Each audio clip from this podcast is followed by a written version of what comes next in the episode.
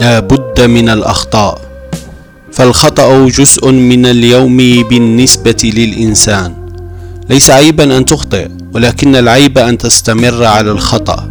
لهذا فإن من صفات المجانين المرونة وهي عملية استغلال الخطأ من أجل الارتقاء. يقول بول جيوم يحصل أن تحذف الأفعال التي أدت إلى الفشل وأن تثبت الأفعال التي تنجح.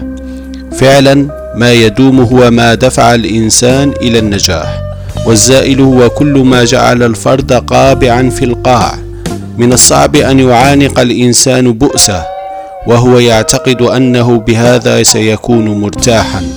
الفشل ليس مرادفا للخطأ بل هو نظير له. والنجاح ليس قيمة للصواب بل هو ظل له. إذا تمعن في أيامك جيدا.